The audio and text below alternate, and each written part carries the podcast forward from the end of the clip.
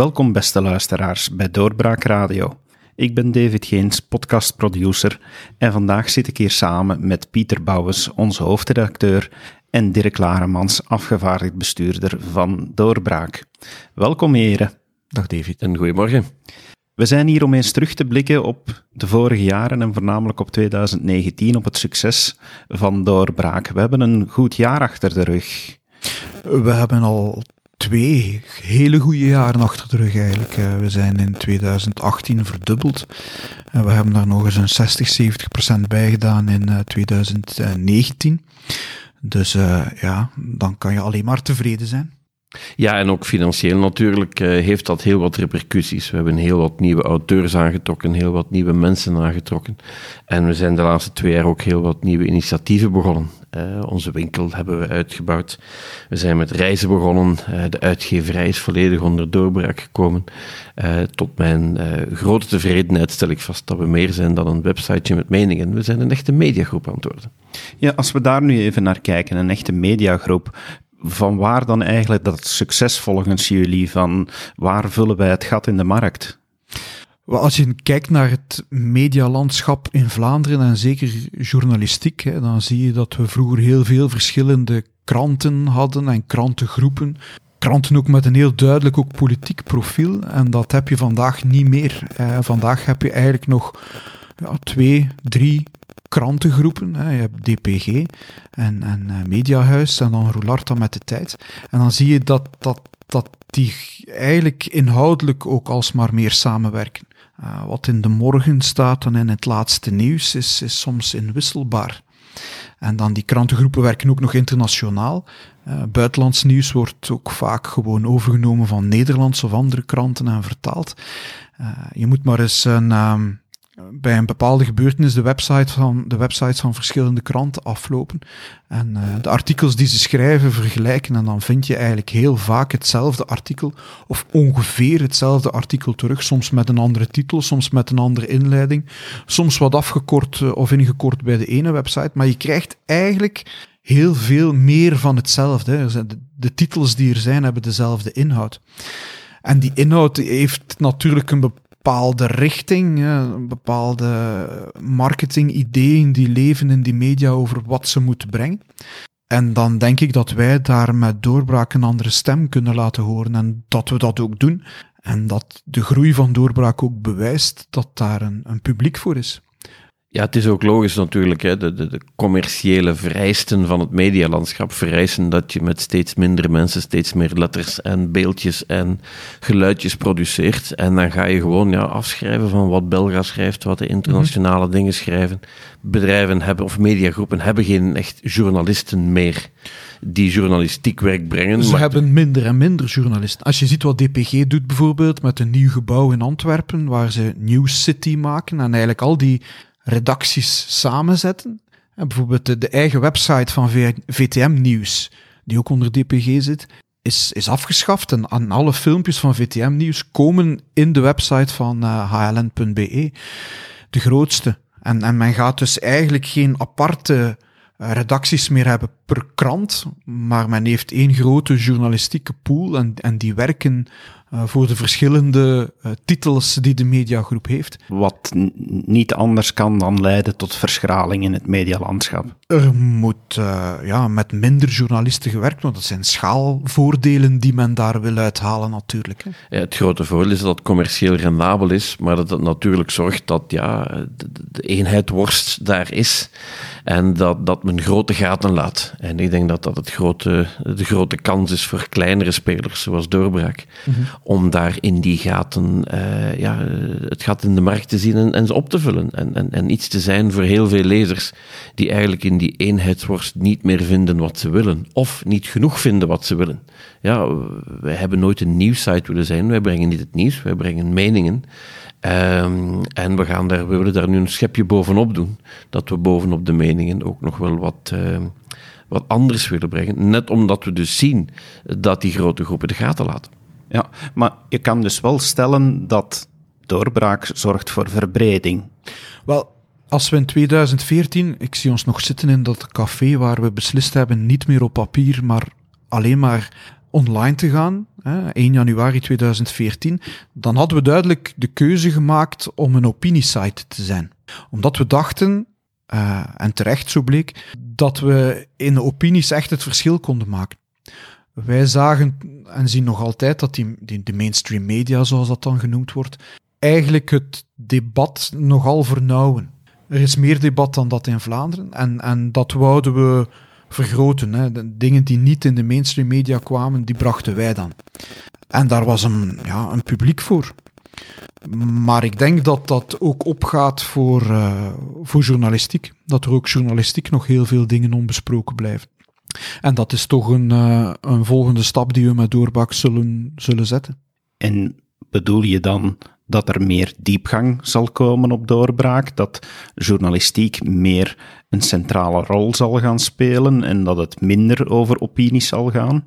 Nee, uh, wat we hebben en waar we goed in zijn, dan moeten we behouden. Zo simpel is het. Uh, ik denk dat uh, we steken ook heel veel energie in, in de breedte van de opinies die we aanbieden op doorbraak. En dat zullen we blijven doen. Uh, maar daarnaast willen we een, een journalistieke poot uitbouwen.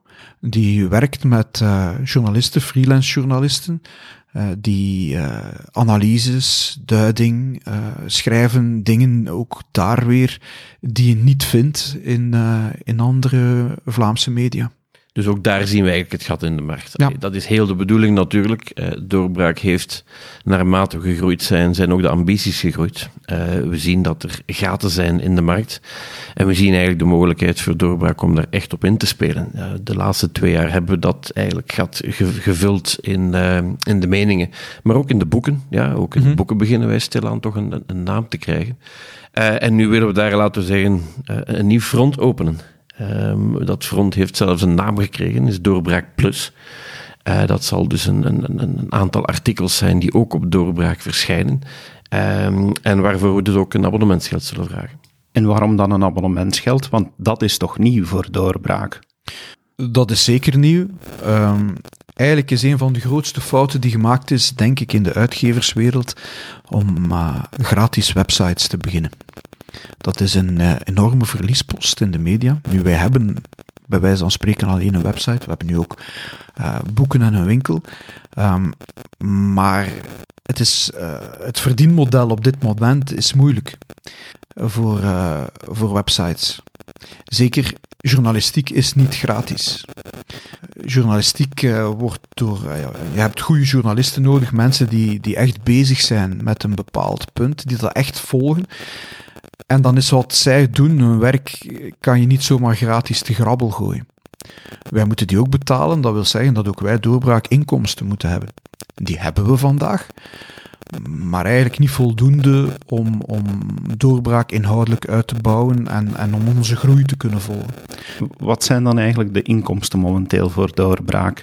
Ja, vandaag leven wij vooral op de, op de steuners. Ja, vrijwillige giften die uh, ook de laatste jaren uh, spectaculair gegroeid zijn. Naarmate we aantal meer, meer lezers kregen, zijn ook die giften gegroeid. Maar, maar ook dat is eindig. Um, uh, en, en, die giften die financieren nu heel mooi de, de, de opinies die we brengen, als wat er rond is, de hosting, de, de, de eindredactie enzovoort enzovoort.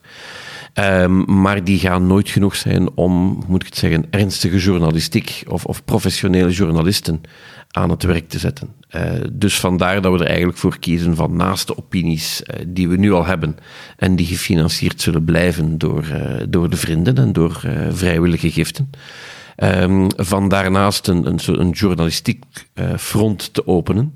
Uh, wij merken ook dat in, in, in, de uitgeverswereld meer en meer sites uh, beginnen geld te vragen voor abonnees. We zien ook uit, onderzoek dat mensen bereid zijn te betalen voor een aantal sites. Niet voor veel, maar voor een aantal. En wij hopen heel simpel dat mensen, kijk, één site zullen kiezen waar ze het nieuws halen en één site waar ze de achtergronden zullen halen en dat die tweede site dan doorbraak zal worden. Ja, ik denk dat het toch belangrijk is ook om, om toch nog eens te herhalen dat een deel van doorbraak um, vrij zal zijn, gratis zal blijven.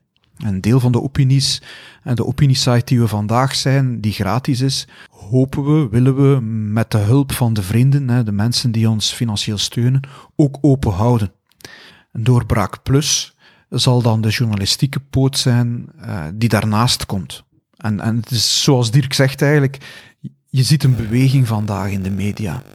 Naar meer en meer websites, meer en meer mediagroepen die zeggen, ja, die websites die gratis blijven aanbieden, dat, dat, dat werkt niet.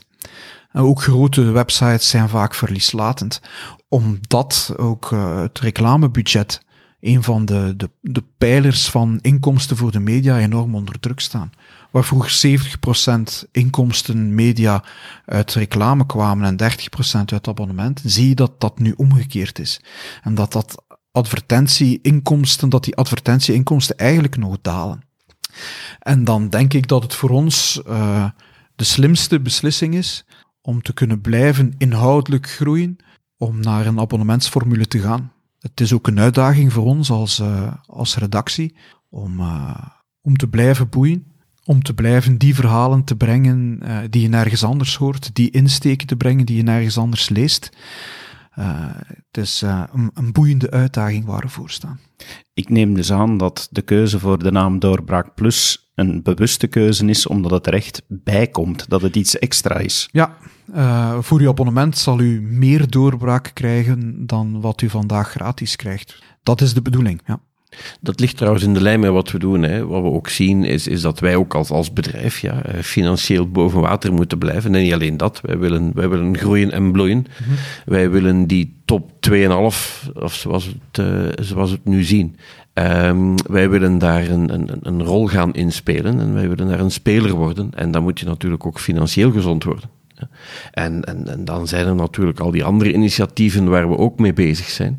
Uh, om dus de mensen die ons bezoeken om ons te lezen, ja, om die ook te verleiden tot eens op reis te gaan met ons, tot hun boeken bij ons te kopen, um, uh, via de winkel of via onze eigen boeken natuurlijk. Uh, dus we proberen daar op, op vele fronten ook um, inkomsten uit te halen, die dan allemaal zullen gebruikt worden om, om de website en, en, en de journalistieke verder te ontwikkelen. Het journalistieke lijkt me zeker nodig, want er wordt vaak gezegd dat een democratie maar valabel is wanneer er ook goede journalistiek is en er een goede debatcultuur mogelijk is dankzij de media, die wel eens de vierde macht worden genoemd. Ik mag dus wel zeggen dat we met doorbraak daar meer en meer een rol willen gaan inspelen. Dat willen we zeker. Hè. We willen dat, uh, dat debat verder opentrekken. Ik maak me vaak zorgen over de debatcultuur in Vlaanderen waar iemand met een, uh, een andere mening vaak weg wordt gezet als een, uh, een debiel, een idioot, uh, omdat hij een andere mening heeft. Terwijl we moeten leren in een democratie, denk ik, om, om te accepteren dat andere mensen andere meningen hebben. Het is ook zo dat wij op doorbraak soms heel spitante meningen publiceren, waar niet altijd ook alle lezers blij mee zijn. Maar het is zo dat wij ook altijd met doorbraak de bedoeling hebben gehad om, om, om, om niet in een één bepaalde richting te schrijven. Wij willen. Uh, kijk, wij zijn eigenlijk gegroeid vanuit een, soort Vlaams nationalistisch project. En wat, wat leeft in Vlaanderen is voor ons interessant en belangrijk. En het publieke debat, het debat in Vlaanderen, wat leeft in dat debat, is veel ruimer dan wat vandaag in de mainstream media aan bod komt. En dat willen wij brengen. Je hoeft het niet noodzakelijk eens te zijn met wat er allemaal op doorbraak verschijnt. Integendeel, als je het niet eens bent, dan, dan is iedereen uitgenodigd om daar een gefundeerd en interessant antwoord uh, op, te, op te schrijven. En zo proberen wij inderdaad uh, mee te bouwen aan dat, uh, aan dat opinieklimaat in Vlaanderen, aan, de, aan de debatcultuur in Vlaanderen, die op dit moment ja, te weinig is uitgebouwd. Wij hebben die cultuur niet. En, en daarnaast heb je natuurlijk ja, wat we journalistiek willen doen. Hetzelfde. Ik denk dat er heel veel journalistieke verhalen en insteken zijn vandaag die blijven liggen. Uh, journalistiek is, is, is niet zomaar iets neutraal wat, wat je doet. Uh, journalistiek hoort objectief te zijn, maar in de keuzes van de verhalen speelt toch ook altijd een achtergrond mee van journalisten, van redactieteams. Wat vinden zij belangrijk? Wat zij belangrijk vinden, kiezen zij uit als verhaal of laten ze liggen. En ik denk dat wij als, als redactie van Doorbraak daar andere insteken zullen in vinden. We geven ook natuurlijk meer ruimte, dat is wat we tot nu toe altijd gedaan hebben. Um, we proberen meer ruimte te geven aan de journalisten. Net zoals wij nooit een, laten we zeggen, een clubje van een aantal mensen geweest zijn om alles vol te schrijven, uh, proberen wij ook het, het, aanbod van wie schrijft er en, en hoe schrijft die van dat uit te breiden, zodat dat ook meer stemmen gehoord worden. Ja, we zijn, we zijn ook altijd op zoek geweest naar mensen die het niet noodzakelijk met elkaar eens zijn. Hè? Uh, absoluut. En, en ik denk dat we daar ook een beetje krediet van onze lezers gekregen hebben. Men aanvaardt dat er in doorbraak artikelen uh, staan die uh, ofwel gedeeltelijk ofwel lijnrecht indruisen tegen wat men zelf denkt. Mm -hmm. um, en we krijgen daar zelfs complimenten voor. Ja, in de zin van, kijk, het is toch wel interessant van eens te lezen, wat denkt die man daarover en hoe denkt hij? Uh, en dan heb je natuurlijk wel de reacties die erop komen. Ja, dat, dat is logisch, dan komt het debat. Maar wij moeten voor onszelf het recht voorbehouden van um, artikelen te schrijven en van ook achtergrond en analyses te geven uh, die niet in de lijn zitten met wat de mhm. meerderheid van onze lezers denken, maar die eventueel tot, tot, tot inzichts, um, tot uh, debat uh, aanleiding kunnen geven. En dat is het verschil dat doorbraak moet maken ten opzichte van een ja, politieke correcte binnen de lijntjes kleuren van wat de grote media zich kunnen veroorloven. Daar zeg je het al politiek correct, dan maak ik direct het sprongetje naar is dit niet iets wat de overheid moet stimuleren volgens jullie? Ja, dan kom je bij de mediasubsidies terecht. Um, wat een uh, een moeilijk verhaal is. Ik denk niet dat, uh, dat de overheid uh, de diversiteit van de media met subsidies zal ondersteunen. Diversiteit van de media is iets waar elke politicus voor is, maar heel weinig politici echt bereid zijn om, om actief iets aan te doen. Omdat je dan knabbelt natuurlijk aan, aan de machtspositie van de grote groepen vandaag. En, en de combinatie journalistiek, politici, ja, dat is toch altijd een beetje een ingewikkelde relatie geweest. Ik vind dat het de taak is van de overheid om te zorgen voor een uh, gelijk speelveld. Dat wij die toch een bedrijf proberen op te bouwen, dat we daar geen grote onoverkomelijke drempels op krijgen. En dat is vandaag toch niet helemaal het geval. En, en, en, wat bedoel je daarmee? Wel, een van de grootste punten daar is, is die, die beruchte poststeun. Uh, het was in, in, in, in voorbije jaren de gewoonte, of de, de overheid steunde de media door eigenlijk te zorgen dat kranten en weekbladen gratis bezorgd werden bij de mensen thuis. En nog altijd gratis bezorgd worden. Um, de overheid betaalt daar 170 miljoen euro per jaar voor, ongeveer, vermoeden we aan Bpost. Dat is net door de regering in lopende zaken met twee jaar verlengd. Maar daardoor is eigenlijk de distributie van nieuws op papier gratis. In tegenstelling tot natuurlijk uh, wat, wat, wat wij ja, moeten doen. In tegenstelling tot uh, wat wij doen. Eh, en we moeten dus concurreren met, met, ja, met toch een stukje gesubsidieerd ja. nieuwsaanbod. Uh, waarbij de grote groepen uiteraard in de prijzen vallen en, en, en, de kleintjes niet. En het is zo dat die, die subsidie federaal is en eigenlijk media uh, Vlaams is. Maar je ziet dat de minister voor Media eigenlijk heel weinig beleidsruimte en, en, en middelen heeft om die diversiteit van de media bijvoorbeeld te ondersteunen. Ja, we zijn daar in C ook geen vragende partij voor. Eh, Doorbraak heeft het met ja, een paar procenten van, van, van het budget op dit moment in subsidies. Uh, dat men die schrapt is voor ons geen aderlating. Uh, we moeten het van andere dingen hebben. Uh, dus wat ons betreft mag men eigenlijk over de hele lijn subsidies afschaffen. Maar men moet misschien ook eens kijken naar de VRT. Ook, ook, dat is concurrentie natuurlijk voor journalistiek. En dat wordt volledig, ja, 100% gesubsidieerd. Mm -hmm. Uh, en, en ook daar ja, kan men zich vragen stellen. Maar goed, het landschap is wat het is. Um, wij moeten onze eigen weg maken. En subsidies zijn daar niet iets waar we op, op rekenen voor de toekomst. En, en, en misschien zelfs beter. Ja, nee, het is inderdaad zo dat wij bij doorbraak niet van overtuigd zijn dat wij recht hebben op subsidies. Uh, er zijn een aantal spelers die dat misschien wel vinden, dus een goed recht. Wat de VRT betreft, is dat inderdaad een. Uh, er, wordt, er, aan een nieuwe beheersovereenkomst gewerkt binnenkort in deze legislatuur.